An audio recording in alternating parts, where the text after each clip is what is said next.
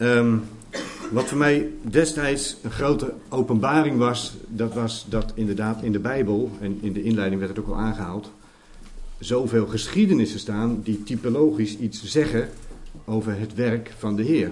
In het Oude Testament vind je inderdaad heel veel geschiedenissen die wijzen op datgene wat nog moest komen. Niet alleen maar in, uh, in, in, in afbeeldingen zoals de tabernakel was bekend, maar eigenlijk ook in de hele geschiedenis door vind je steeds hetzelfde verhaal. En ik weet nog dat dat voor mij, toen bestuurde ik uh, David, ja in die tijd, dat was mij de eerste keer dat ik dacht van, jongen, jongen, niet te geloven zeg, dat dat precies betrekking heeft op de Heer Jezus. Maar een andere geschiedenis die daarover spreekt, dat is die van Mozes. En ik wil graag een paar dingen met jullie daarvan bespreken. Dat is veel te veel om dat allemaal te doen. Dus ik beperk me tot het begin van de bediening van, Jozef, van Mozes. En dan gaan we dus voor naar Exodus eh, 1. Dat kan niet anders. Want wat vinden we daar? Natuurlijk, ik ga ervan uit dat we de geschiedenis een beetje kennen van het volk eh, Israël, wat in de verdrukking zat in Egypte. En die waren daar gebracht uiteindelijk via Jozef. En de hele familie van Jozef komt mee naar het land Egypte en wordt daar eigenlijk, nou ja, ook dat werd in de inleidende woorden nogal duidelijk verteld, ehm, ja, onder de duim gehouden. Ze moesten doen wat daar gezegd werd. Ze waren bezig met tichelen strijken. Tichelen strijken, dat heeft te maken met de buitenkant. Met hetgene wat je aan de buitenkant misschien heel mooi eruit laat zien, maar wat van binnen nog steeds niet goed is. En eigenlijk is de wereld daar ook mee bezig. De wereld is ook bezig met de buitenkant. De Bijbel noemt dat ook de eerste beginselen der wereld, om alles maar te benoemen van wat mag en niet mag. Het heeft dus alles te maken met de wet. Dat is eigenlijk waar uh, dat ten diepste over spreekt, denk ik. Maar dan komt er uh, al een belofte in Genesis waarin staat, het hoeft niet op te zoeken, ik lees het gewoon eventjes voor, dat aan Abraham, Abraham al werd gezegd in Genesis 15, vers 13, Wees voorzeker dat uw zaad vreemd zal zijn in een land dat het hunne niet is. En ze zullen hen dienen en zij zullen hen verdrukken 400 jaren. Doch ik zal het volk ook rechten, het welk zij zullen dienen. En daarna zullen zij uittrekken met grote haven. En die belofte die stond aan Abraham. Dat moest daarna allemaal nog gaan gebeuren. Maar hij wist al van de belofte dat uiteindelijk ze weer verlost zouden gaan worden uit het land Egypte. En ook in de toespraak van Stefanus wordt daarover gesproken. Er staat in Handelingen 7: God sprak al zo dat zijn zaad vreemdeling zou zijn in een vreemd land. En dat ze zouden dienstbaar maken en kwalijk handelen 400 jaren. Dat is allemaal nog in Genesis waar dat aangekondigd was. Dan krijgen we natuurlijk de geschiedenis van Isaac en Jacob. Ik zei net al, Jacob die vertrekt met zijn zoon Jozef via een omweg uiteindelijk naar Egypte. En Egypte is daarmee een dienstbaar, een beeld van de dienstbaarheid van deze wereld. Waar het volk onderdrukt werd. Wat ze moesten doen, wat er gezegd werd. En dat is niet alleen in de letterlijke zin zo, maar het is ook het hele gedachtegoed wat erachter zit. Het gedachtegoed, namelijk dat je zelf hier iets tot stand kunt brengen. Dat is wat Egypte ook uitbeeldt. Men maakte het zelf allemaal wel. In plaats van dat ze het nou, verwachten van hun Heer en Heiland. Dat is hoe de mens in principe ook leeft. En dan komen we bij de geschiedenis van Jozef uit. En dan gaan we dus nu naar Exodus 1.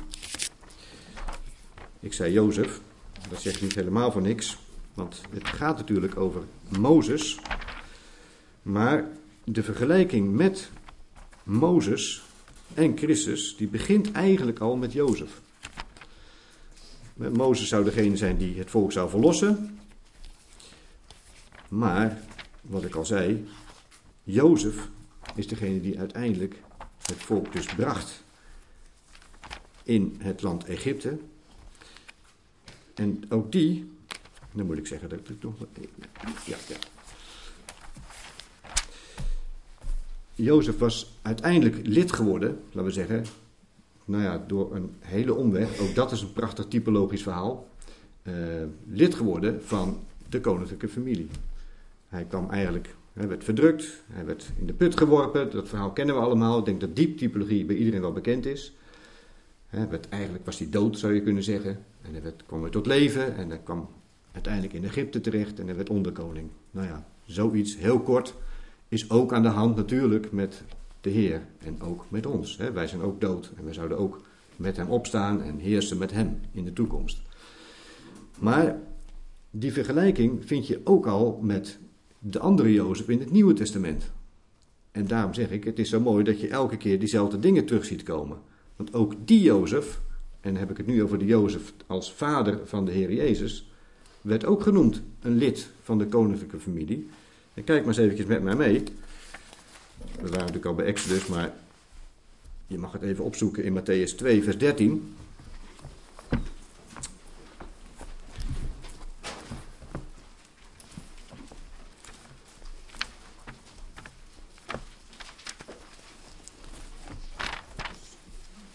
Waar je eerst in Matthäus, uh, sorry, Matthäus 1 bedoel ik natuurlijk. Waar je eerst een hele opsomming vindt van de geslachtsrekening naar de Heer Jezus toe. Daar gaan we het nu niet helemaal over hebben, maar dan staat er uiteindelijk in vers 16 staat Jacob gewon Jozef, de man van Maria, uit welke geboren is Jezus, gezegd Christus. En dan staat een stukje verderop, in vers 20, er staat, en alzo hij deze dingen in de zin had, zie de engel des Heren verscheen hem in de droom, zeggende, Jozef, gij zonen David. Ook Jozef was wel degelijk een lid van de koninklijke familie, want die hoorde in die geslachtslijn thuis, die allemaal in Matthäus 1 beschreven staat. En dat is dus al de eerste vergelijking die je op zou moeten vallen als je de beide Jozefs naast elkaar ziet. De Jozef uit het Oude Testament, er zijn er meer overigens, maar de Jozef waar we het nu over hebben, en deze Jozef. Daar begint het eigenlijk al mee. Jozef, gij zoon de Davids. Nou, die hele geslachtsrekening in Matthäus 1 laten we eventjes nu voor wat het is. Maar het is wel bijzonder interessant op zichzelf als uh, studie, want ook daar zie je dat uh, er nogal wat bijzonderheden in die hele geslachtslijn zitten. Maar we zijn nu toch in Matthäus, en daarom ging ik er even naartoe, want Matthäus 2 geeft nog een vergelijking met de geschiedenis van Mozes. In Matthäus 2, vers 13 vind je nog zoiets. Toen zij nu vertrokken waren, de wijze uit het oosten hebben we het nu over. We schieten even door de hele Bijbel heen. Hè? Maar goed, het is bijna kerst, dus dit gedeelte dat is bij iedereen weer een beetje, een beetje actueel. Toen zij nu vertrokken waren, zie de engel des Heren verschijnt Jozef in de droom, zeggende: Sta op en neem tot u het kinderke en zijn moeder en vliet in Egypte. En weest aldaar totdat ik het u zal zeggen. Want Herodes zal het kinderke zoeken om hetzelfde te doden. Hij dan opgestaan zijnde, nam het kinderke en zijn moeder tot zich in de nacht en vertrok naar Egypte. En was aldaar tot de dood van Herodes, opdat vervuld zou worden hetgeen van de Heer gesproken is door de profeet, zeggende, uit Egypte heb ik mijn zoon geroepen. Hier wordt gesproken over een vlucht naar Egypte. Nou, allebei de Jozefs zijn gevlucht naar Egypte. Dat is ook weer iets wat weer terugkomt. Niet voor niks. En het roepen van die zoon, daar kom ik misschien nog even op terug, want dat is ook wel een interessant iets. Maar, nou, dat is al even, denk ik, interessant om zo te zien dat je elke keer weer dezelfde thema's terug ziet komen. Mozes kwam uit de stam van Levi. Zijn broer Aaron is natuurlijk de hoge priester van het Oude Testament, de ordening van Aaron. Wij leven nu op de ordening van Melchizedek, maar toen was het Aaron. Dat gebeurt allemaal later in deze geschiedenis hoor, maar voor alle duidelijkheid, dat was ook de, de priesterlijke tak, zeg maar. De Heer Jezus kwam uit de stam van Juda. Die had wel een hemelse vader natuurlijk, maar Jozef was de wettige vader. Maar van beide Jozefs hoor je niks meer. Eigenlijk kun je zeggen, ze waren hem vergeten. En dat staat hier ook heel letterlijk in Exodus 1. Daar staat, dat, uh, als we dat eventjes gaan lezen nu met elkaar, want we moeten toch maar eens een keer de geschiedenis een beetje gaan eh, doornemen. Er staat vanaf vers 1, dit nu zijn de namen der zonen van Israël, die in Egypte gekomen zijn met Jacob. Ze kwamen erin, elk met zijn huis. Ruben, Simeon, Levi, Juda, Issachar, Zebulon en Benjamin, Dan en Naphtali, Gad en Aser. Al de zielen nu die uit Jacobs heup voortgekomen zijn, waren zeventig zielen, doch Jozef was in Egypte. Toen nu Jozef gestorven was en al zijn broeders en al dat geslacht, zo werden de kinderen Israëls vruchtbaar en wiesen overvloediglijk en zij vermeerderden en werden gans zeer machtig, zodat het land met hen vervuld werd. Daarna stond een nieuwe koning op over Egypte, die Jozef niet gekend had. Die zeide tot zijn volk, zie, het volk der kinderen Israëls is veel meer, ja machtiger dan wij. Kom aan, laat ons wijselijk tegen hetzelfde handelen, opdat het niet vermenigvuldigen en het geschieden, als er enige krijg voorvalt, dat het zich ook niet vervoegen tot onze vijanden en tegen ons strijden en uit het land optrekken. En ze zetten overste de schattingen over hetzelfde om het te verdrukken met hun lasten. Want men bouwde voor Farao schatsteden, Python en Ramses. Maar hoe meer zij het verdrukten, hoe meer het vermeerderde en hoe meer het wies, zodat het verdrietig waren, zodat zij verdrietig waren vanwege de kinderen Israëls. En de Egyptenaars deden de kinderen Israëls dienen met hardigheid, zodat hun het leven bitter maakte met harde dienst in leem en in tichelstenen. En met alle dienst op het veld, met al hun dienst die zij, het, die zij hen deden, sorry, deze, die zij hen deden dienen met hardigheid.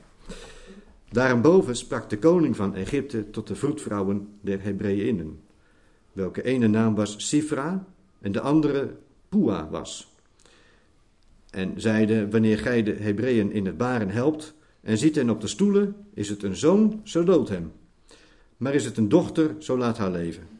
Doch de vroedvrouwen vreesden God en deden niet gelijk als koning van Egypte tot haar gesproken had. Maar zij behielden de knechtjes in het leven. Toen riep de koning van Egypte de vroedvrouwen en zeide tot haar: Waarom hebt gij, gij deze zaak gedaan? Dat gij de knechtjes in leven behouden hebt. En de vroedvrouwen zeiden tot Farao: Omdat de Hebre Hebreeënnen niet zijn gelijk de Egyptische vrouwen, want zij zijn sterk. Eer de vroedvrouw tot haar komt, zo hebben zij gebaard. Daarom deed God aan de vroedvrouwen goed. En dat volk vermeerderde en het werd zeer machtig. En het geschiedde, terwijl de vroedvrouwen God vreesden, zo bouwde hij hun huizen. Toen gebood Farao al zijn volk, zeggende: Alle zonen die geboren worden, zult gij in de rivier werpen, maar alle dochters in het leven behouden. Ik stop hier eventjes, ga straks nog een klein stukje verder lezen. het gaat me eerst even om deze geschiedenis. En een paar zaken heb ik al verteld, die heel erg parallel zijn met datgene wat in het Nieuwe Testament besproken wordt van Jozef. Maar een andere zien we natuurlijk hier ook. Ja, uh, het doden van de jongetjes. Ook dat vinden we natuurlijk in het Nieuwe Testament. Waren net in Matthäus 2, gaan we nou niet helemaal weer naar terug. Maar ook dat is een, nou ja, exact hetzelfde verhaal wat daar gebeurt. Want Farao wilde niet dat er zeg maar, uh, ja, dat het volk machtiger werd. Maar eigenlijk zit daarachter misschien wel, dat staat hier natuurlijk niet helemaal in, dat hij wist dat, nou ja, wellicht wist hij ook wel van die 400 jaar die nog zouden gaan gebeuren. Dat zou kunnen. En dat hij dacht, nou ja, ik wil niet hebben dat daar de verlossing uit voortkomt. En datzelfde, dat staat niet in de Bijbel hoor, maar er staat alleen maar in dat het volk zou wiezen, het volk zou groeien, dat hij daar bang voor was. Maar hij was bang dat hij ze zou verliezen. Van de Heer Jezus zegt Herodes, ja, eh, die mag niet groot worden, want die gaat straks eh, ja, de nieuwe koning worden. Eigenlijk het, ook weer hetzelfde verhaal. Misschien wist Farao dus echt wel van die profetie die er was. Want ja, het was aangekondigd, het was uit te rekenen. En wellicht wist hij dat wel. En beide geven dus opdracht om de jongetjes te doden. Want ze wilden aan de macht blijven. Dat was eigenlijk het idee. En eigenlijk is dat ook weer voor nu. Hè, wie wil er hier aan de macht blijven? Wie is de overste van de macht der lucht? We weten wie dat is. Dat is de Satan. Dat is de grote tegenstander. Die alles wil voorkomen dat wij, zeg maar, verlossing vinden. Daar is hij mee bezig. En op het moment dat je maar goed verdrukt wordt en goed onder de wetten en de regels blijft, dan, uh, ja, dan heeft hij een bepaalde macht over je. Maar de bedoeling is dat je daar uitkomt, dat je daar vrij van wordt. En vrij wil zeggen, je zoekt de waarheid De waarheid maakt vrij. En als je welk gedeelte van de Bijbel ook bestudeert, je bent dan met de waarheid bezig. En het gekke is, dat maakt je vrij. Want dan ben je niet met jezelf bezig, maar dan ben je met de Heer bezig. En dan merk je in één keer dat dat steeds meer gestalte in je gaat krijgen. Ik denk dat dat zo werkt. Tenminste, de Bijbel zegt het zo, dus dan geloof ik dat altijd maar. Ehm, in vers 8 lazen we nog dat, ehm, ja, er stond ehm, een nieuwe koning op over Egypte, Farao dus, die Jozef niet gekend had. En dat vinden we ook vaak in de Bijbel. Die Jozefs zijn continu aan het verdwijnen in de hele Bijbel. Ook de Jozef in het Nieuwe Testament, waar we net waren. Nou ja, je leest er eigenlijk niet veel van. Aan het begin eventjes. En dan gaat hij uh, vluchten en dan komt hij weer terug. En dan later, ja, het, het, blijft stil eigenlijk. Het is weg. Kenmerk van Jozef is, hij komt op het toneel. En na een tijdje, dan zie je hem niet meer. Dan is hij weg. En dat is met deze Jozef kennelijk ook gebeurd. De Jozef die ooit dus onderkoning van het land was geworden. Ja, men wist er niet zoveel meer van. En ik vraag me zelfs af, uh, want dat kon ik ook niet helemaal vinden. Ja, in hoeverre wisten de uh, Israëlieten toen ook nog van die geschiedenis? Want opvallend is, als je kijkt naar de bediening van Mozes, die er straks nog gaat plaatsvinden, hè, als die geroepen wordt, dan, nou ja, dan moet Mozes toch vrij duidelijk nog vragen: van, maar, van wie kan ik nu precies zeggen van wie ik deze boodschap krijg? En nou zegt er maar, ik ben die ik ben. Met andere woorden, eh, dat moest nog wel eventjes uitgelegd worden. Van, oh ja, dat was dat volk wat ooit, wij waren dat volk wat ooit gevlucht was en in Egypte terechtgekomen was. Men was het ook misschien een beetje vergeten. Dat, uh, dat blijkt hierin te suggereren. Tenminste, zo heb ik het gezien. Behalve, en dat is ook wel weer opvallend, de vroedvrouwen. Want in vers 15 wordt gesproken over de vroedvrouwen. Sifra en de andere was Pua, of Pua. En het gekke is dat daarvan staat dat die nog wel trouw waren. Trouw waren aan het gesproken woord van de Heer. En er staat dan um, dat zij dus hielpen om het volk in stand te houden, want zij werkten niet mee aan het doden van de jongetjes. Zij zorgden ervoor dat die wel in leven bleven. De anderen werden in de, in de rivier geworpen, maar zij zorgden ervoor dat het niet zou gebeuren. Want er staat uh, in vers 17: De vroedvrouwen vreesden God. En deden niet gelijk als de koning van Egypte tot haar gesproken had. Zij behielden de knechtjes in het leven. Ja, wel opvallend.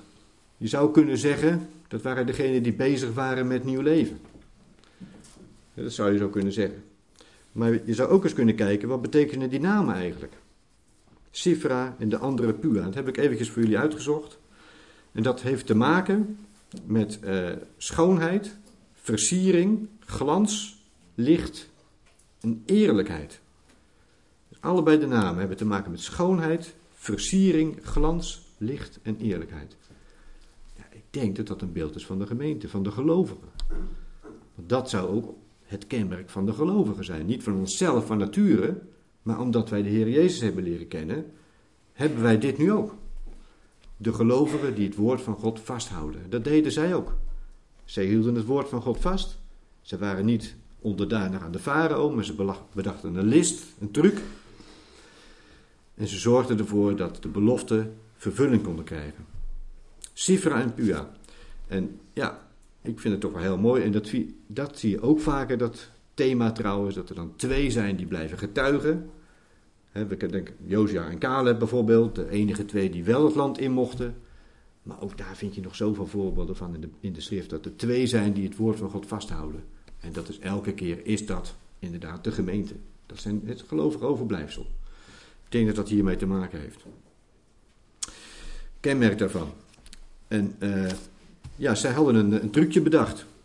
En die truc die was eigenlijk, je kwam erop neer dat ze zeiden, nou, weet je wat het is met die Israëlitische uh, uh, dames, die, die baren zo snel, we kunnen dat kindje niet doden. Dat is natuurlijk ja, een raar verhaal in onze ogen, hè, omdat dat, dat ze daarin zouden tuinen, zou ik maar zeggen. Maar dat gebeurt dus wel. En ook dat is weer iets, een list, een truc, een omweg, een lus, wat je heel vaak in de Bijbel ziet. Er wordt via een omweg wordt er iets bedacht, waardoor het woord van God toch vervulling kan krijgen. En ik heb hier ook een paar voorbeelden, gaan we nou niet opzoeken. Een voorbeeld daarvan is bijvoorbeeld Sarah, die bedacht een truc om nageslacht te krijgen via haar slavin. We denken aan Rebecca en Jacob, die bedenken ook een truc, ook een lus. Je kent het verhaal denk ik wel, dat uh, Esau en Jacob, Esau doen we net of die, uh, nou, of Jacob doen we net of die Esau is. En uh, doen wat haar op zijn armen en zo. En dan, nou ja, via een omweg, een truc. uiteindelijk vindt dat toch zijn vervulling. En Lea, die bedenkt ook een truc om met Jacob te kunnen trouwen en ook een nageslacht te kunnen krijgen. En uiteindelijk ook Jozef natuurlijk, die ook via een hele grote omweg uiteindelijk die onderkoning wordt. Maar er zijn ontzettend veel voorbeelden van. Dat wij zouden denken, ja, dat, doet dan de Heer toch zelf wel, dat, werk. Maar op een of andere manier werkt het toch, ook wel weer op deze manier. Dat, ja, ondanks dat, uh, ja, dat wij dan denken, ja, is dat dan wel nodig om zo'n truc te bedenken? Ja, kennelijk wel. Want het is hetzelfde als een lus, als een omweg, om dan toch uiteindelijk de vervulling te kunnen krijgen. Ook Jacob, hè, daar gebeurt hetzelfde mee. Als hij uiteindelijk via een lus, via een omweg, via zijn oom Laban, uiteindelijk toch zijn erfenis weet te behouden. En uh, nou ja, uiteindelijk zijn eerste geboorterecht te behouden. En ook dat vonden we natuurlijk ook, wat we net gelezen hebben, bij de Heer Jezus in het Nieuwe Testament. Ook daar vind je een omweg, een truc. De wijze vertrekken met stille trom, om zeg maar niet Herodes te hoeven vertellen waar hij precies was, waar de Heer Jezus was. En uh, zonder te vertellen waar hij was, zorgden ze ervoor dat inderdaad hij gewoon zijn werk kon doen uiteindelijk. Ja, elke keer is het zo dat het erop lijkt alsof de tegenstander even buitenspel gestel, gezet moet worden. En ik vind het allermooiste voorbeeld dan nog altijd, want ik denk dat het ook echt zo werkt. Kijk, degene die niet gelooft, die, uh, ja, die, die wordt nogal snel misleid natuurlijk. En degene die snel misleid wordt, is ook de duivel zelf. Want kijk maar in 1 Korinthe 2, vers 7 en 8. Mag je opzoeken, hoeft niet.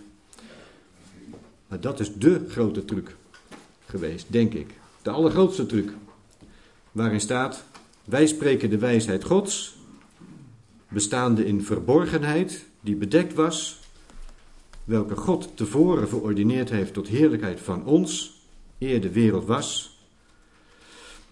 welke niemand van de oversten deze wereld gekend heeft. Want indien zij ze gekend hadden, zo zouden zij de Heere der heerlijkheid niet gekruist hebben.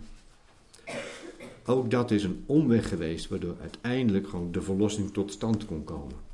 Ik hoop dat ik een beetje duidelijk ben, dat begrijpt wat ik bedoel. Satan wist niet van de weg die de Heer zou gaan op aarde. Hij wist niet dat het door dood en opstanding moest plaatsvinden. Als hij dat geweten had, staat hier, had hij er wel voor gezorgd dat de Heer bleef leven. Maar hij wist niet van die weg die zou gaan gebeuren. En ook hier vind je dus weer een omweg, een lus, een truc. Zeg maar even, het schijnt ook hetzelfde woord te zijn overigens. Truc en lus. Het uh, weekend toch? Ja. Ik zie ook bevestigingen, dan weet ik dat ik goed zit. Heel hard nodig. Maar dat zijn mooie dingen die je elke keer weer terug ziet komen in de hele schrift. Ook in de geschiedenis van David bijvoorbeeld vind je dat een aantal keer terug. We gaan even verder, want in hoofdstuk 2 van Exodus lees ik een gedeelte waar ik niet uh, nu heel lang stil blijf staan, maar ik lees even tot en met vers 10. Voor het verband is het toch wel goed. Er staat: En de man van het huis van Levi ging en nam een dochter van Levi. En de vrouw werd zwanger en baarde een zoon. Toen zij hem zag dat hij schoon was, zo verborg ze hem drie maanden. Doch als ze hem niet langer verbergen kon, zo nam zij voor hem een kistje van biezen en belijmde het met lijm en met pek. En ze legde het kindje daarin en legde het in de biezen aan de oever der rivier. En zijn zuster stelde zich van verre om te weten wat hem gedaan zou worden. En Farao's dochter ging af om zich te wassen in de rivier. En haar jonkvrouwen wandelden aan de kant der rivier. Toen zij het kistje in het midden van de biezen zag, zo stond zij haar dienstmaagd heen, zond zij haar dienstmaagd heen en liet, hen, liet het halen. Toen zij het opendeed, zo zag zij dat knechtje, en zie, het jongske weende. En zij werd met barmhartigheid bewogen over hetzelfde. En ze zeiden, dit is een van de knechtjes der Hebreeën. Toen zeide zijn zuster tot Farao's dochter, zal ik heen gaan en u een voedsersvrouw uit Hebreeën roepen, die het knechtje voor u zogen? En de dochter van Farao zeide tot haar, ga heen. En de jonge maagd ging en riep des knechtjes moeder. Toen zei de Farao's dochter tot haar, neem dit knechtje heen en zoog het mij, en ik zal u loon geven. En de vrouw nam het knechtje en zoogde het. En toen het knechtje groot was geworden, zo bracht zij het tot Farao's dochter. En het werd haar ten zoon. En zij noemde zijn naam Mozes en zeide, want ik heb hem uit het water getogen. Die stop ik heel eventjes. Ook dit is natuurlijk weer een omweg, hè, een list. Er moet voorkomen worden dat hij uiteindelijk uh, ja, zou sterven. En water in de Bijbel heeft altijd twee betekenissen. Eén is, ja, je komt erin om. Dat is heel vervelend. Wij kunnen daar niet tegen. Wij hebben zuurstof nodig. Het andere is dat het juist leven voortbrengt. Als je gedoopt wordt, dan word je onder water gedompeld. Enerzijds sterf je daarmee. Maar het andere, andere is dat je, zou ik maar zeggen, als een soort spons wordt volgezogen en met levend water opstaat. Dat is eigenlijk wat het water is. Dat is wat hier ook gebeurt. Hier zou hij eigenlijk, nou ja, normaliter moeten sterven. Maar uiteindelijk gebeurt dat niet en staat hij op en kan hij zijn bediening voortzetten. Hij is niet gestorven. In plaats daarvan brengt het water hem juist leven. Hij wordt ook beschermd door een biezenmandje. Daar gaan we het ook niet verder over hebben. Daar kun je ook nog heel veel dingetjes uh, zeg maar, over vinden. Maar wat mij even om gaat is ook Mozes wordt hier ineens gesteld, of ineens, hij wordt gesteld tot de koninklijke familie. Hij hoort ook in één keer thuis tot, nou, bij het huis van Farao. Want uh, wij lezen, vers 11, het geschiedde in die dagen toen Mozes groot was geworden, dat hij uitging tot zijn broederen en bezag hun lasten. En hij zag dat een Egyptische man, een Hebreeuwse man, uit zijn broederen sloeg. En dan ga ik nog even weer terug naar de situatie van Mozes in die dagen. Hij was groot geworden. Hij was groot geworden, 40 jaar oud was hij geworden zo'n beetje. En hij was onderdeel geworden van het huis van Farao. Hij was weggeworpen. Staat er in uh, Handelingen 7. Misschien is het handig om dat eventjes nog erbij te pakken. Dat staat er zo heel mooi op een rijtje. In de toespraak van Stefanus.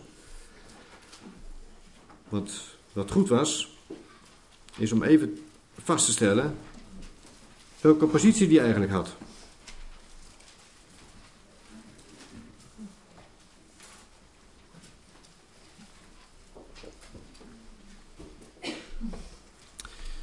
Want er staat namelijk in Handelingen 7, vers 21. Als hij weggeworpen was, nam hem de dochter van Farao op en voedde hem voor zichzelf op tot een zoon. Hij hoorde er dus bij. En Mozes werd onderwezen in alle wijsheid der Egyptenaren en was machtig in woorden en werken. Hij was goed opgeleid. Hij wist hoe het eraan toe ging in het land Egypte, zou ik maar zeggen dat hij tot zoon werd, als, als zoon werd beschouwd, dat was wel vanaf de kant van het huis van Farao zo. Maar hij zelf zag dat niet zo. Want in Hebreeën 11 vinden wij, in vers 24, ik heb ze lekker uitgeprint, dus u mag het opzoeken en mij gewoon geloven. U mag het ook opzoeken om mij eh, te controleren. Er staat in Hebreeën 11, vers 24, door het geloof heeft Mozes, nu groot geworden zijnde, geweigerd een zoon van Farao's dochter genoemd te worden. Met andere woorden, hij wilde eigenlijk niks te maken hebben met het hele koningshuis, met alles wat deze wereld voortbrengt. Begrijp je een beetje wat ik bedoel? Egypte staat voor deze wereld, het stelsel, het gedachtegoed van deze wereld. Aan de buitenkant gaan we het mooi oppoetsen. Jozef, eh, Mozes wordt daarin grootgebracht. Hij is machtig in woorden en werken. Hij weet hoe het eraan toe gaat. Maar hij wil er eigenlijk niks mee te maken hebben. En nou ja, dat is eigenlijk ook onze positie. Hè? Wij weten, nou ja, je bent allemaal, uh, maar zeggen, in een of andere manier betrokken bij de maatschappij. Hè? Hoe dan ook, of je nou werkt of dat je op school zit of wat dan ook. Die zeggen dat we allemaal machtig in woorden en werken zijn. Dat, uh, tenminste, ik niet in elk geval. Maar je toestand zou moeten zijn dat je daar eigenlijk niet echt mee te maken wilt hebben. Want dat hebben we ook niet, volgens de schrift. Wij zijn gesteld in een nieuwe schepping. We zijn geen zoon. Een zoon heeft met erfenis te maken. Hè? We zijn geen zoon van deze wereld, we zijn een zoon van de Heer. Dat is hoe wij, hoe onze positie is. Maar goed, hij had die positie wel. En dan staat er dus, en dan ben ik weer terug in Exodus 2, vers 11. Er staat er dus in vers 11: Het geschiedde in die dagen toen Mozes groot geworden was, dat hij uitging tot zijn broederen en bezag hun lasten. En hij zag dat een Egyptische man een Hebreeuwse man uit zijn broederen sloeg. En hij zag herwaarts en gindswaarts. En toen hij zag dat er niemand was, zo versloeg hij de Egyptenaar en verborg hem in het zand. Des andere daags ging hij wederom uit en zie, twee Hebreeuwse mannen twisten. En hij zeide tot de ongerechte, waarom slaat gij uw naaste? Hij dan zeide, wie heeft u tot een overste en rechter over ons gezet? Zegt gij dit om mij te doden, gelijk gij de Egyptenaar gedood hebt?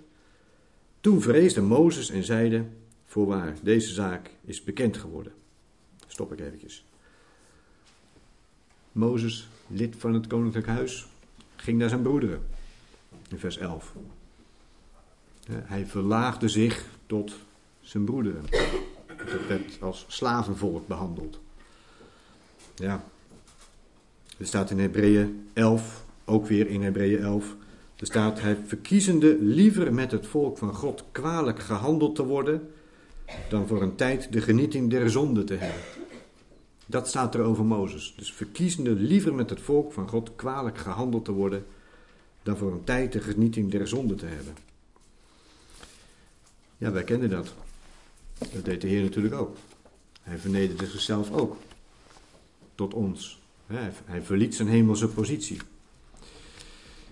En er staat er nog bij, eerst nog even in Hebreeën weer, er staat achter de versmaadheid van Christus meerdere rijkdom te zijn dan de schatten in Egypte, want hij zag op de vergelding des loons.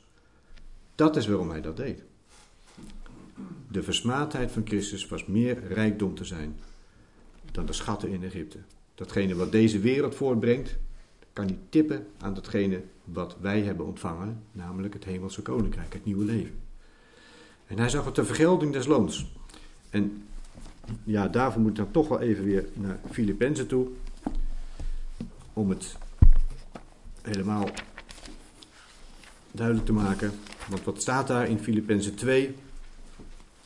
Daar wordt ook gesproken over de vernedering die de Heer doormaakte toen hij zijn hemelse positie verliet. Toen hij naar de aarde kwam. Wat staat daar in vers 6? gaat over de Heer natuurlijk, die in de gestaltenis Gods zijnde geen roof geacht heeft goden even gelijk te zijn. Dat betekent, dit is een beetje moeilijk opgeschreven, dat hij, uh, hij, zag, hij zag het niet als een diefstal dat hem die godheid werd ontnomen. Dat is wat het betekent. Maar hij werd aan de mensen gelijk, want er staat in vers 7, hij heeft zichzelf vernietigd de gestaltenis eens dienstknecht aangenomen hebbende, en is de mensen gelijk geworden. En in gedaante gevonden als een mens, heeft hij zichzelf vernederd, gehoorzaam geworden zijnde tot de dood, ja, de dood des kruises. En daarom heeft hem ook God uitermate verhoogd.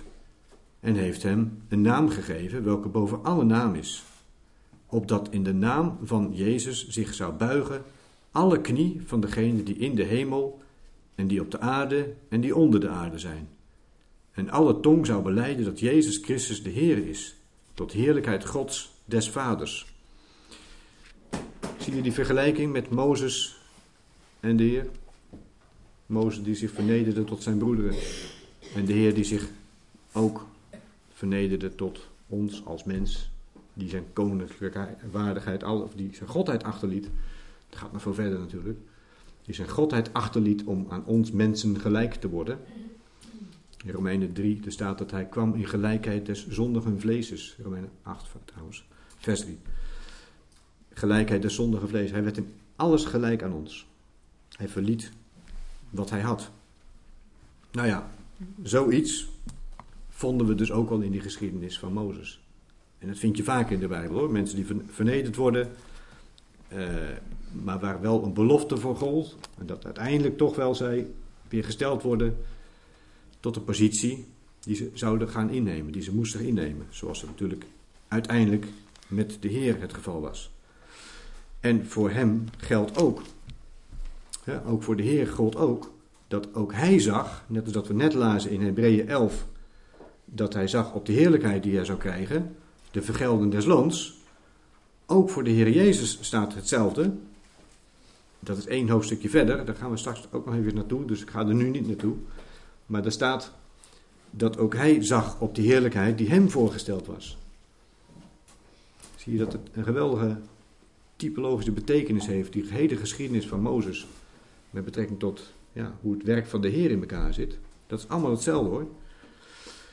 Maar hij ging uit naar zijn broederen. En hij zag hun lasten. Nou, dat vind ik ook een hele mooie uitdrukking. Want dat deed de Heer natuurlijk ook. Hij ging naar zijn broeder en kwam tot de zijne. Ja, het staat er ook nog, de zijnen hebben hem niet aangenomen, hebben hem niet begrepen of gegrepen, staat er eigenlijk. Maar het volk Israël leefde toen in Egypte al onder, nou ja, slavernij. Onder wetten en regels die boven hen gesteld waren. Maar ook bij de Heer vinden we dat terug.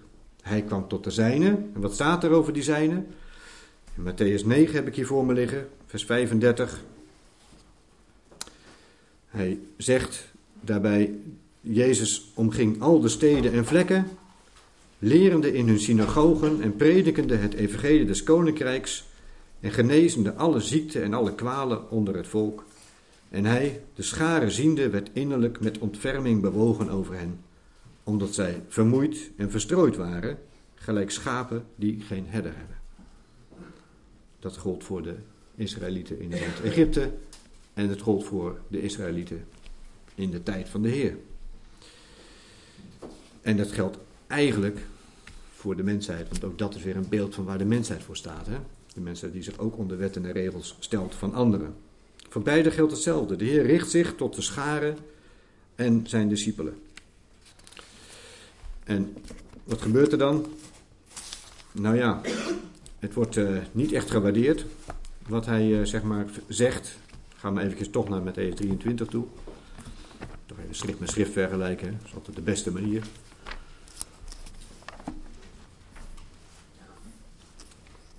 Matthäus 23, daar lezen wij in vers. Uh, nou, waar zal ik het beginnen? Ik lees even vanaf vers 1 gewoon.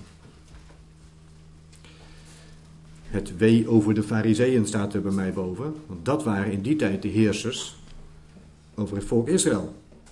De fariseeën en de schriftgeleerden. Er staat, toen sprak Jezus tot de scharen en tot zijn discipelen. Zeggende, de schriftgeleerden en de fariseeën zijn gezeten op de stoel van Mozes. Hey. Daarom, al wat zij u zeggen, dat gij houden zult, houd dat en doet het maar doet niet naar hun werken, want zij zeggen het en doen het niet. Want zij binden, binden lasten die zwaar zijn en kwalijk om te dragen, en leggen ze op de schouders der mensen, maar ze willen die met hun vinger niet verroeren. En al de werken doen zij om van de mensen gezien te worden, want ze maken hun gedenkzedels breed en maken de zomer van hun klederen groot en zij beminnen de vooraanzitting in de maaltijden en de voorgestoelte in de synagogen, ook de begroetingen op de markten en van de mensen genaamd te worden, rabbi, rabbi. Doch gij zult niet rabbi genaamd worden, want één is uw meester, namelijk Christus. En gij zijt allen broeders. En zult niemand uw vader noemen op de aarde, want één is uw vader, namelijk die in de hemel is. En gij zult niet meesters genoemd worden, want één is uw meester, namelijk Christus. Maar de meester van u zal uw dienaar zijn. Hij verwijt hier ehm, datgene wat hun geleerd wordt. Namelijk door die fariseeën en schriftgeleerden. En dan vind je dus eerst nou ja, dat de Heer spreekt tot de scharen en zijn discipelen, vers 1. Dat gedeelte wat ik net gelezen heb, dat is aan hun gericht. Van, daar zegt hij, let niet op die schriftgeleerden en fariseeën, want zij zeggen wel dat je dat moet doen, maar ze doen het zelf niet eens. Eerst richt hij zich tot de scharen, tot het volk waar hij voor gekomen was. En dan vervolgens richt hij zich in, laten we zeggen, niet al te misverstaande bewoordingen tot die fariseeërs en schriftgeleerden. Dat ga ik niet helemaal lezen, maar dat is een, een toespraak die loopt tot en met vers 36. En dat is allemaal uh, niet best. Want er wordt zeven keer gesproken over geveinsden.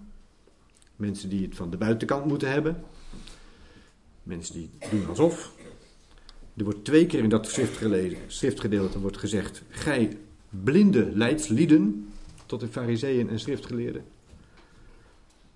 Dwazen en blinden noemt hij ze. Witgepleisterde graven. Wij zeggen het allemaal nog heel netjes hier, hè, zoals we hier allemaal bij elkaar zijn. Maar dat deed de Heer niet in zijn tijd. Die was vrij duidelijk. Wij zijn dat niet meer eigenlijk gewend, maar de Heer is er duidelijk in. Wat dat allemaal inhoudt, wat dat gedachtegoed inhoudt. Dat je dat van jezelf denkt te kunnen verdienen. Slangen, zegt hij, en andere gebroedsel. Nou, moet je daar maar eens mee uh, komen. Dat uh, maakt je niet echt populair, denk ik. Maar dat maakte de Heer niet uit. Het ging hem om de waarheid, dat ze de Heer zouden zoeken, wat we net gelezen hadden. Want zij brachten het volk onder de wet. Maar niemand kan door de wet behouden worden. En er zullen heel veel mensen ook nog wel, ook wel beamen hoor, dat dat niet kan. Dat geloof ik ook wel. Maar toch blijft men daaronder leven, alsof dat dan toch nog stiekem wel kan. En je moet het eigenlijk loslaten. Je moet eigenlijk loslaten datgene waarvan je denkt dat je dat zelf al kunt. Het gaat om wat de Heer in jou kan doen. En het bijzondere aan de wet is juist, hè, want dat lezen we later natuurlijk nog van Mozes, en ik, daar gaan we helemaal niet aan toekomen, dus dat is niet de bedoeling, maar ik zeg er wel iets over. De wet wordt natuurlijk gegeven aan Mozes en aan het volk. En juist die wet spreekt over Christus. Als ze nou Mozes nou maar begrepen hadden, dan hadden ze ook echt wel begrepen dat ze het niet van die wet moesten hebben. Want wat staat er in Johannes 5, vers 45? We zijn er toch in het Nieuwe Testament, dus zoek er maar eventjes bij. Johannes 5, vers 45. Hij zegt: Meent niet dat ik u verklagen zal bij de Vader, maar die u verklaagt is Mozes op welke gij gehoopt hebt. Want indien gij Mozes geloofdet, zo zou gij mij geloven. Want hij heeft van mij geschreven. Maar zo gij zijn schriften niet gelooft, hoe zult gij mijn woorden geloven? De wet wees alleen maar op Christus. Dat had men totaal niet in de gaten. Men dacht dat dat erom ging dat ze die wetjes en regeltjes zelf moesten houden, maar die wijst op de Heer. Dat is hoe het eigenlijk aan toe zou gaan. Ja. En dan weer terug naar Exodus. Mozes verklaagt u. Ik had een prachtige uitspraak. En juist dachten ze Mozes te dienen door die wetjes te gaan houden. Maar dat was niet de opzet.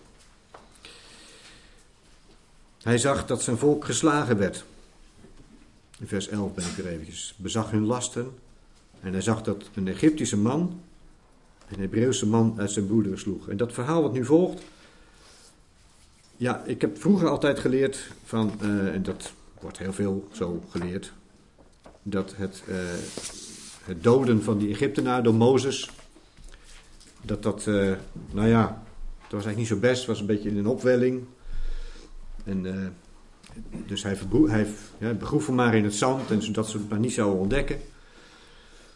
En toch zit dat iets anders in elkaar.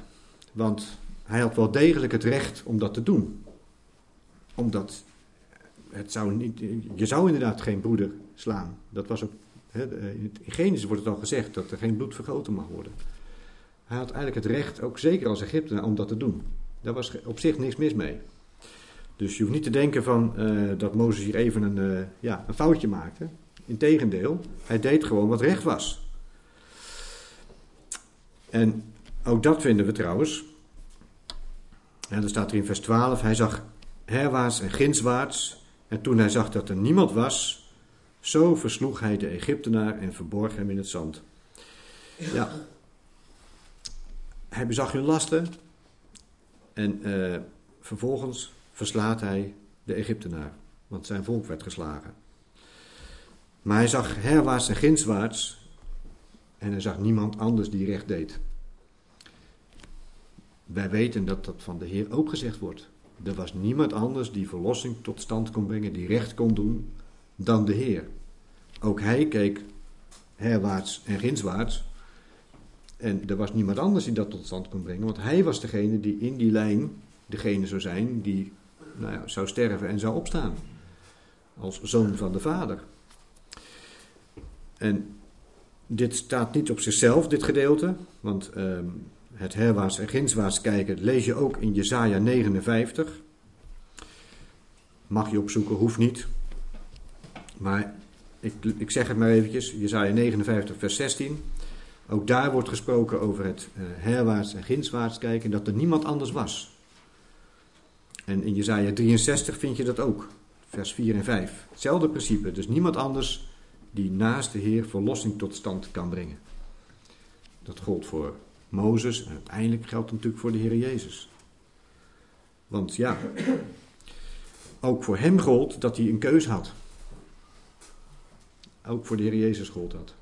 Hij had al bij de verzoeking in de woestijn een keus kunnen maken om niet uh, de Heer zijn vader te dienen, maar om de tegenstander te dienen. Maar bij zijn, vlak voor zijn sterven zegt hij nog in Matthäus 26 die bekende woorden: Laat deze drinkbeker van mij voorbij gaan. Doch niet gelijk ik wil, maar gelijk gij wilt. Het idee was: er is geen andere mogelijkheid om verlossing tot stand te brengen dan door zijn sterven en zijn opstanding. Als dat er geweest zou zijn, nou ja, dan had de Heer dat hier eigenlijk gevraagd. Maar hij wist dat het niet anders kon. En hij zegt ook, niet gelijk ik wil, maar gelijk gij wilt. Dat zou ook onze houding zijn. Zo zouden wij ook in het leven staan. Niet onze wil, maar zijn wil zouden we doen. Er is geen andere verlosser. Er is geen andere verlosser. Ook dat vind je nogal een keer of wat terug in de schrift. Maar dus ook bij Mozes. Hij keek herwaarts en ginswaarts, maar er was niemand anders die verlossing kon brengen. En hij verborg hem in het zand. Ja, dat verbergen, dat is gewoon begraven. Dus dat is niet dat je denkt van hij wilde dat stiekem wegstoppen of zo. Hij begroef hem gewoon. Hij deed niks onwettigs. Maar waarom deed hij dat eigenlijk? Ja, om recht te brengen, hè, om inderdaad zijn eigen volk in bescherming te nemen. Maar er is nog iets anders. We waren net in handelingen. En uh, ja, ik ga er toch nog even naartoe. Want dat is het mooie aan de schrift, dat je in het Nieuwe Testament eigenlijk commentaar vindt op datgene wat in het Oude Testament geschreven is. Want er staat in Handelingen 7, dat is weer diezelfde toespraak, de reden van Stefanus, staat in vers 51.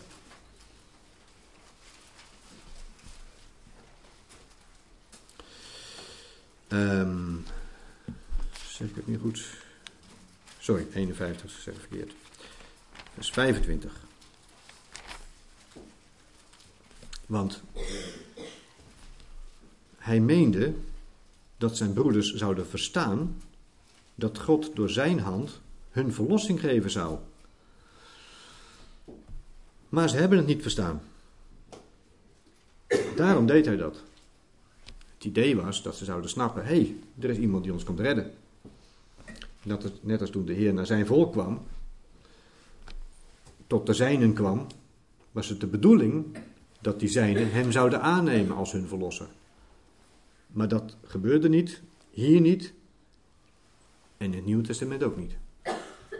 In de omwandeling van de Heer heb ik het over. Zie je dat je dat heel goed met elkaar kunt vergelijken. En zo gaat het de hele schrift door. Het is niet alleen maar dat je dat doet om te bewijzen dat het Gods woord is, want dat weten we hopelijk allemaal wel. Maar het is alleen maar mooi dat het alleen maar verder opbouwt. Dat je ziet dat het één geheel is. Dat, ja, dat, dat maakt het alleen maar uh, mooier. En, en dat je denkt, het is toch wel een heel uh, doordacht plan. Hè? Hoe dat allemaal vanaf begin af aan, van de grondlegging der wereld aan, allemaal al opgezet is, bedacht is. En opgeschreven is en ook gebeurd is. Want dus ook in de geschiedenissen vind je gewoon steeds dezelfde waarheden terug. En um, ja, de Heer die, uh, dat, dat is eigenlijk precies hetzelfde verhaal. Als het dan uh, gaat over uh, ja, de verlossing die de Heer tot stand brengt. Hij is gekomen, ik heb die tekst ook al net genoemd, hij is gekomen tot het zijne, maar de zijne hebben hem niet aangenomen. Ja, zij wilden ook de Heer niet aanvaarden als hun verlosser, net zodat ze Mozes in eerste instantie niet aanvaarden als hun redder. En dan gaan we even terug naar Exodus. Want wat vinden we daar in vers 14? En je ziet dat we echt een klein stukje kunnen behandelen van Mozes. Dus ik denk niet dat dit nu heel Mozes, uh, de typologie van Mozes was. Zeker niet. Maar uh, ik heb een beetje beperkt. En vers 14, daar staat dan: Hij zeide: Wie heeft u tot een overste en rechter over ons gezet? Zegt gij dit om mij te doden, gelijk gij de Egyptenaar gedood hebt? Toen vreesde Mozes en zeide: Voorwaar, deze zaak is bekend geworden. Kijk, het gaat er niet om. Uh, zij wilden dus geen overste en rechter over hun. Dat staat hier dus eigenlijk. Zij wilden niet dat zij verlost zouden worden door Mozes. Dat was wat hier uh, het gevolg was. En dan zegt hij, uh, even kijken, er staat er, zegt gij dit om mij te doden, gelijk gij de Egyptenaar gedood hebt. En toen vreesde Mozes en zeide, Voorwaar, deze zaak is bekend geworden. Het vrezen van Mozes, dat is niet zoals het in de kinderbijbel staat, dat dat het vrezen is voor Farao, want die vreesde hij niet hoor. Hij vreesde de Heer. Hij hield rekening met de Heer, met God namelijk. Want hij wist vanaf dat moment ook wat zijn bediening zou zijn. Namelijk, hij zou ooit dat volk gaan verlossen. En daar kun je maar beter rekening mee houden als je dat op je pad vindt om te doen, dan, nou ja, dan kun je het maar beter ook doen. Mozes vreesde. En deze zaak is bekend geworden. Gaat niet over ook het sterven van die Egyptenaar of iets dergelijks. Nee, het was bekend geworden dat door de hand van Mozes uiteindelijk het volk verlost zou gaan worden. En op het moment dat Farao daarachter zou komen, ja, dan zou hij natuurlijk Mozes gelijk ombrengen. Dat gebeurde ook. Dat is ook de reden van zijn vlucht. Nou, dat is uh, denk ik een, uh, een mooie, uh, ja, mooie typologie die hierin staat. Daar staat er uiteindelijk in vers 15 nog. Als nu Farao deze zaak hoorde, zo zocht hij Mozes om te doden, want de zaak was inderdaad bekend geworden. Doch Mozes vloot voor Farao's aangezicht en woonde in het land Midian. En hij zat bij een waterput. Ja, hij wist welke taak hij zou krijgen. Hij wist dat ook nu de verlossing niet zou gebeuren, maar pas over 40 jaar. Als hij 80 was namelijk, moest hij weer terug. En dan gaat hij naar Midian. Dat betekent strijd.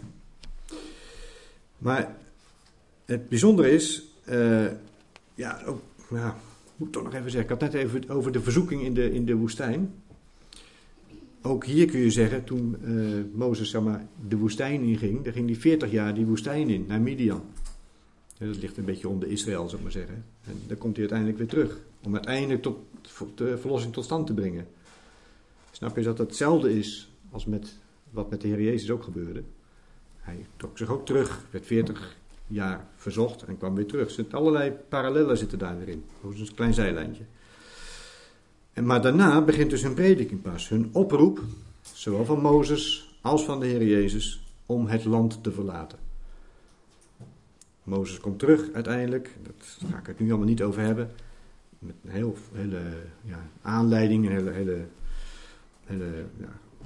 Het is niet makkelijk van Mozes, zou ik maar zeggen. Hij, hij, noemt allemaal bezwaren van waarom moet ik het zo doen? En ik ben zwaar van tong. En uh, ja, dan kan niet, ze luisteren naar mij niet. Wie moet ik dan zeggen die mij gestuurd heeft? Uh, maar uiteindelijk doet hij het wel. En dan gaat hij inderdaad zijn volk meenemen. Net als dat de Heer Jezus ook zijn volk meeneemt, ons meeneemt. Uiteindelijk vindt dat zijn vervulling nog, als het over het volk Israël gaat, in de toekomst. He, die zullen uiteindelijk ook als volk de Heer aannemen van datgene wat er dan nog over is. Dan heb ik het natuurlijk over het einde van uh, de 70ste jaarweek. Maar dat is een andere verhaal. Maar dat is eigenlijk waar het daar over gaat. Dat hij weer terugkomt om die verlossing tot stand te brengen. Maar Mozes gaat naar Midian toe. Daar ontmoet hij uh, Jethro. Jethro is het land van uh, de hoge priester. Ik zeg het verkeerd. Midian is het land van de hoge priester. Jethro, en dat betekent vriend van God. Hij was daar de heerser. Een hoge priester. Geen koning, maar een hoge priester. Natuurlijk een mooie typologie. Wij leven ook in het land van de hoge priester. In onze nieuwe situatie.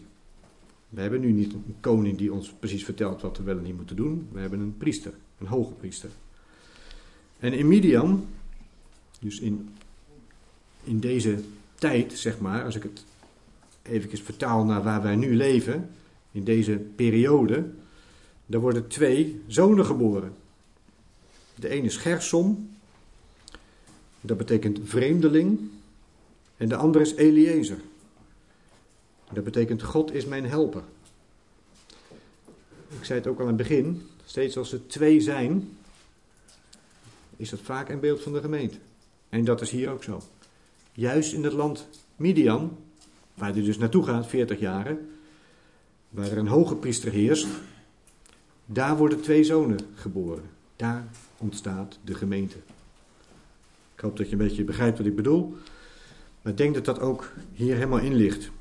En het mooie is dat in Exodus 4, vers 20. We zijn er toch in Exodus, pak die maar heel erbij.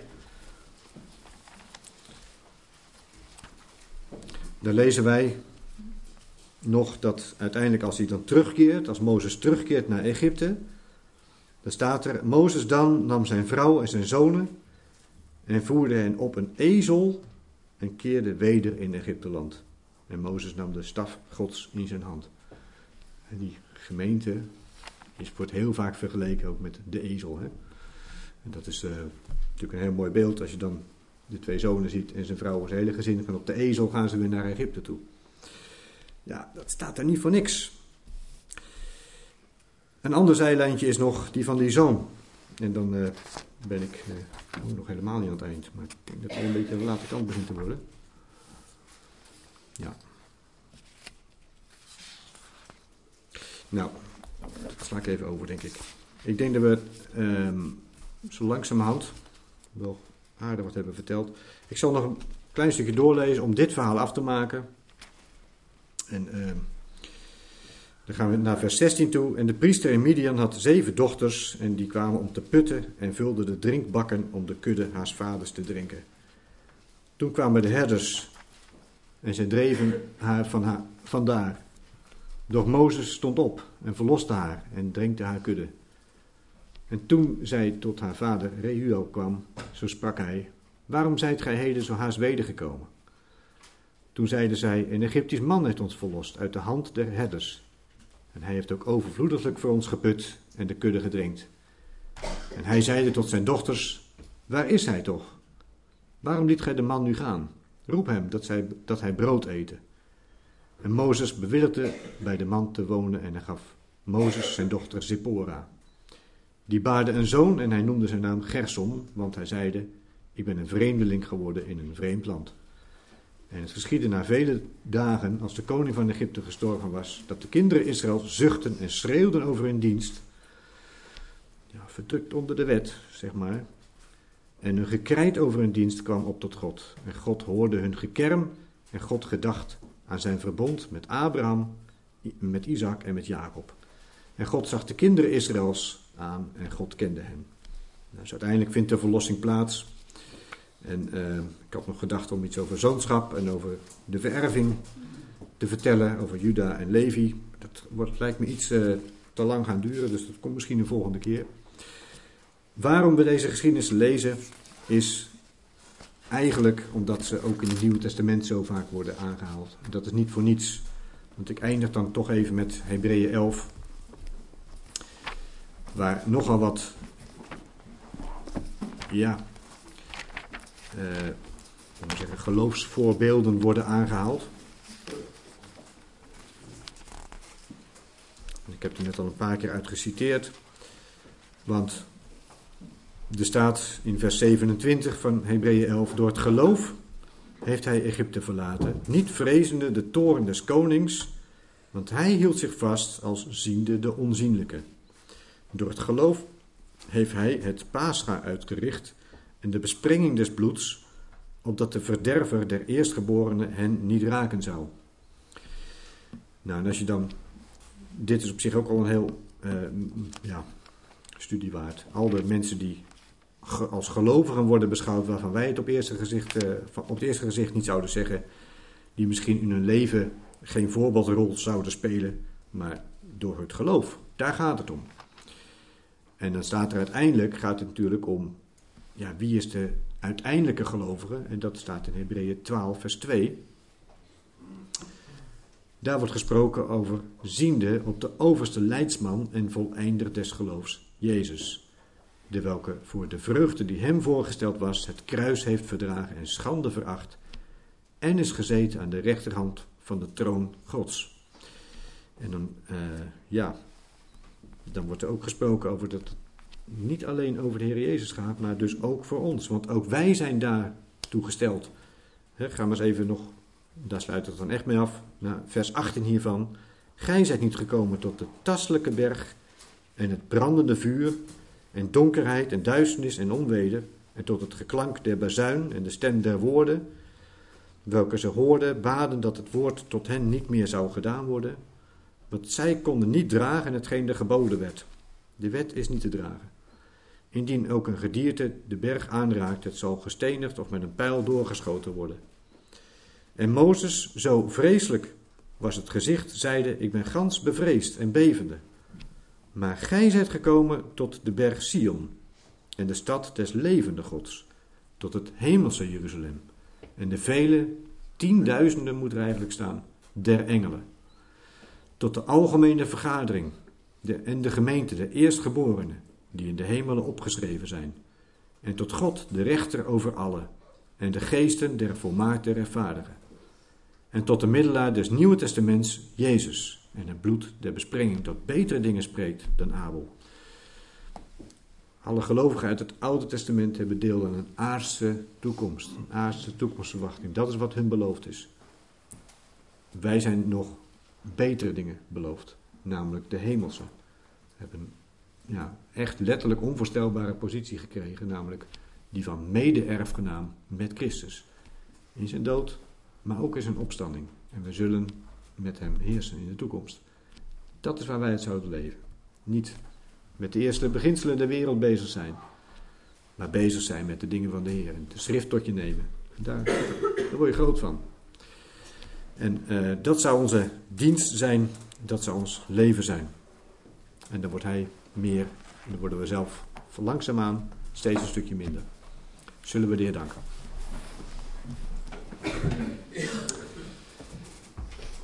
Trouwe Hemelse Vader, we danken u dat we uw woord hebben gekregen dat zo rijk is. Dat zo vol staat van gebeurtenissen die iets zeggen over het, uh, het werk wat u gedaan heeft en nog steeds vol, voltooid in deze dagen. Dank u, Heer, dat wij zijn gekomen tot die, tot die levende berg, tot, uh, tot, uh, tot het hemelse werk ook. Dank u dat wij in, het nieuwe koninkrijk zijn geplaatst, dat we deel hebben aan uw schepping. Dank u dat wij mede-erfgenamen zijn, ook al zien we dat niet aan de buitenkant. U heeft het beloofd en we mogen door geloof daarop vertrouwen. Dank u dat we daar zoveel voorbeelden hebben gezien in de schrift en dat wij ook daardoor uh, opgebouwd en bekrachtigd mogen worden, Heer. Alles alleen tot eer van uw naam. Heer, wilt u zijn met de mensen die niet konden zijn, omdat ze dat uh, niet konden om een of andere reden. Heer, maar wilt u ook hen bemoedigen. Heer, wilt u geven dat deze woorden ook, uh, ja, dat we die mee mogen dragen, dat het uw woorden mogen zijn. Die ons groot maken, Heer, die ons sterk maken. Zodat we niet bewogen worden met elke wind van leer, maar dat we ons steeds mogen baseren op datgene wat u gesproken heeft. Dank u, Heer, dat u gesproken heeft. Dank u voor uw woord. Wilt u ons met ons gaan als we straks weer naar huis gaan. Amen.